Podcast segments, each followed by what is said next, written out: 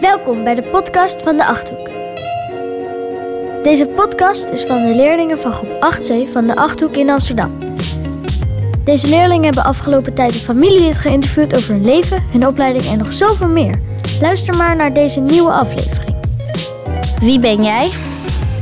Ik ben Soufiane, ik ben 11 jaar oud. Wie heb je geïnterviewd? Ik heb mijn moeder geïnterviewd. Waarom heb je voor je moeder gekozen? Ik heb voor mijn moeder gekozen omdat ik nog niet veel van haar wist. Wat heb je geleerd over je moeder dat je nog niet wist? Uh, dat ze op uh, twee verschillende soorten basisscholen heeft gezeten. Um, wat is blijven hangen van het interview of wat heb je ervan meegenomen? Um, dat ik later mijn school af moet maken omdat mijn moeder uh, niet de school heeft afgemaakt.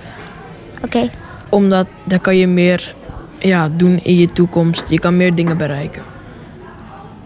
Als je je school afmaakt. Um, dat ze best wel veel bijbaantjes heeft gedaan toen ze 14 en 16 was.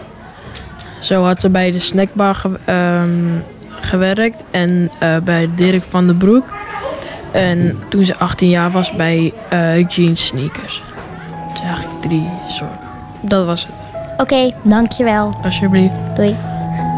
Dit was de podcast van de leerlingen van groep 8C van de Achthoek.